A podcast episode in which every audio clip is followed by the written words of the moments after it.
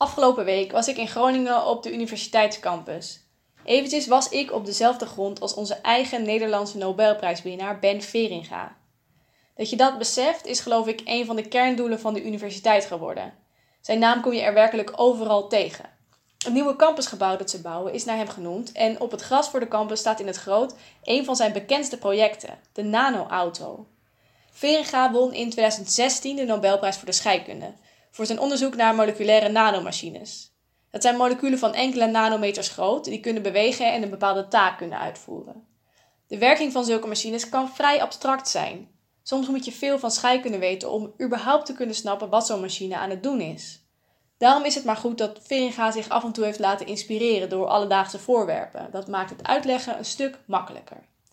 Zijn nanoauto is een molecuul met vier wielen van een paar atomen groot meer dan een miljoen keer kleiner dan de dikte van een haar. De wielen kunnen draaien onder invloed van zonlicht en zo beweegt het zich voort. Hij en zijn team hadden het autootje een afstand van zo'n 6 nanometer laten rijden. Ik vind dat een fascinerend idee, een auto op nanoschaal. Het roept een beeld bij me op van een soort smurfenland, maar dan nog veel kleiner, een nanosmurf in een nanohuisje die met zijn nanoauto naar zijn werk gaat en onderweg in een hele korte file terechtkomt. Ik weet het, het klinkt meer als een koortsdroom dan als wetenschap. Maar ik ben de nanowereld ingedoken en er bestaat al meer dan je denkt. Nanoscharen, paraplu's, naalden. Er is een kunstenaar die beeldhouwwerken maakt op nanoschaal. Hij scant zijn modellen in en print ze met een heel precieze 3D-printer. Met het blote oog kun je zo'n sculptuur natuurlijk niet zien. Daar heb je een elektronenmicroscoop voor nodig.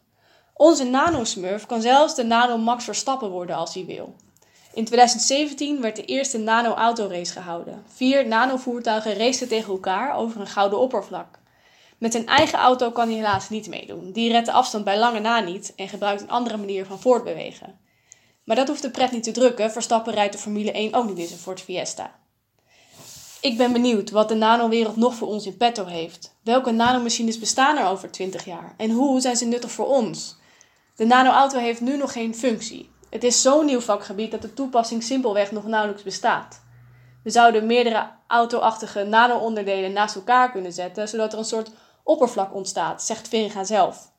Met zo'n technologie zou je een oppervlak kunnen maken dat uit zichzelf beweegt of zichzelf schoonmaakt. Science fiction wordt werkelijkheid, al dus Veringa.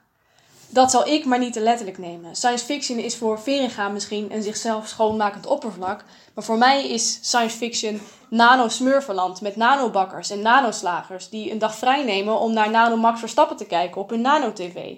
Klinkt belachelijk, natuurlijk, maar je kent de wetenschap. Voor je het weet staat Nanomax uitvergroot naast zijn auto op de Groningse campus.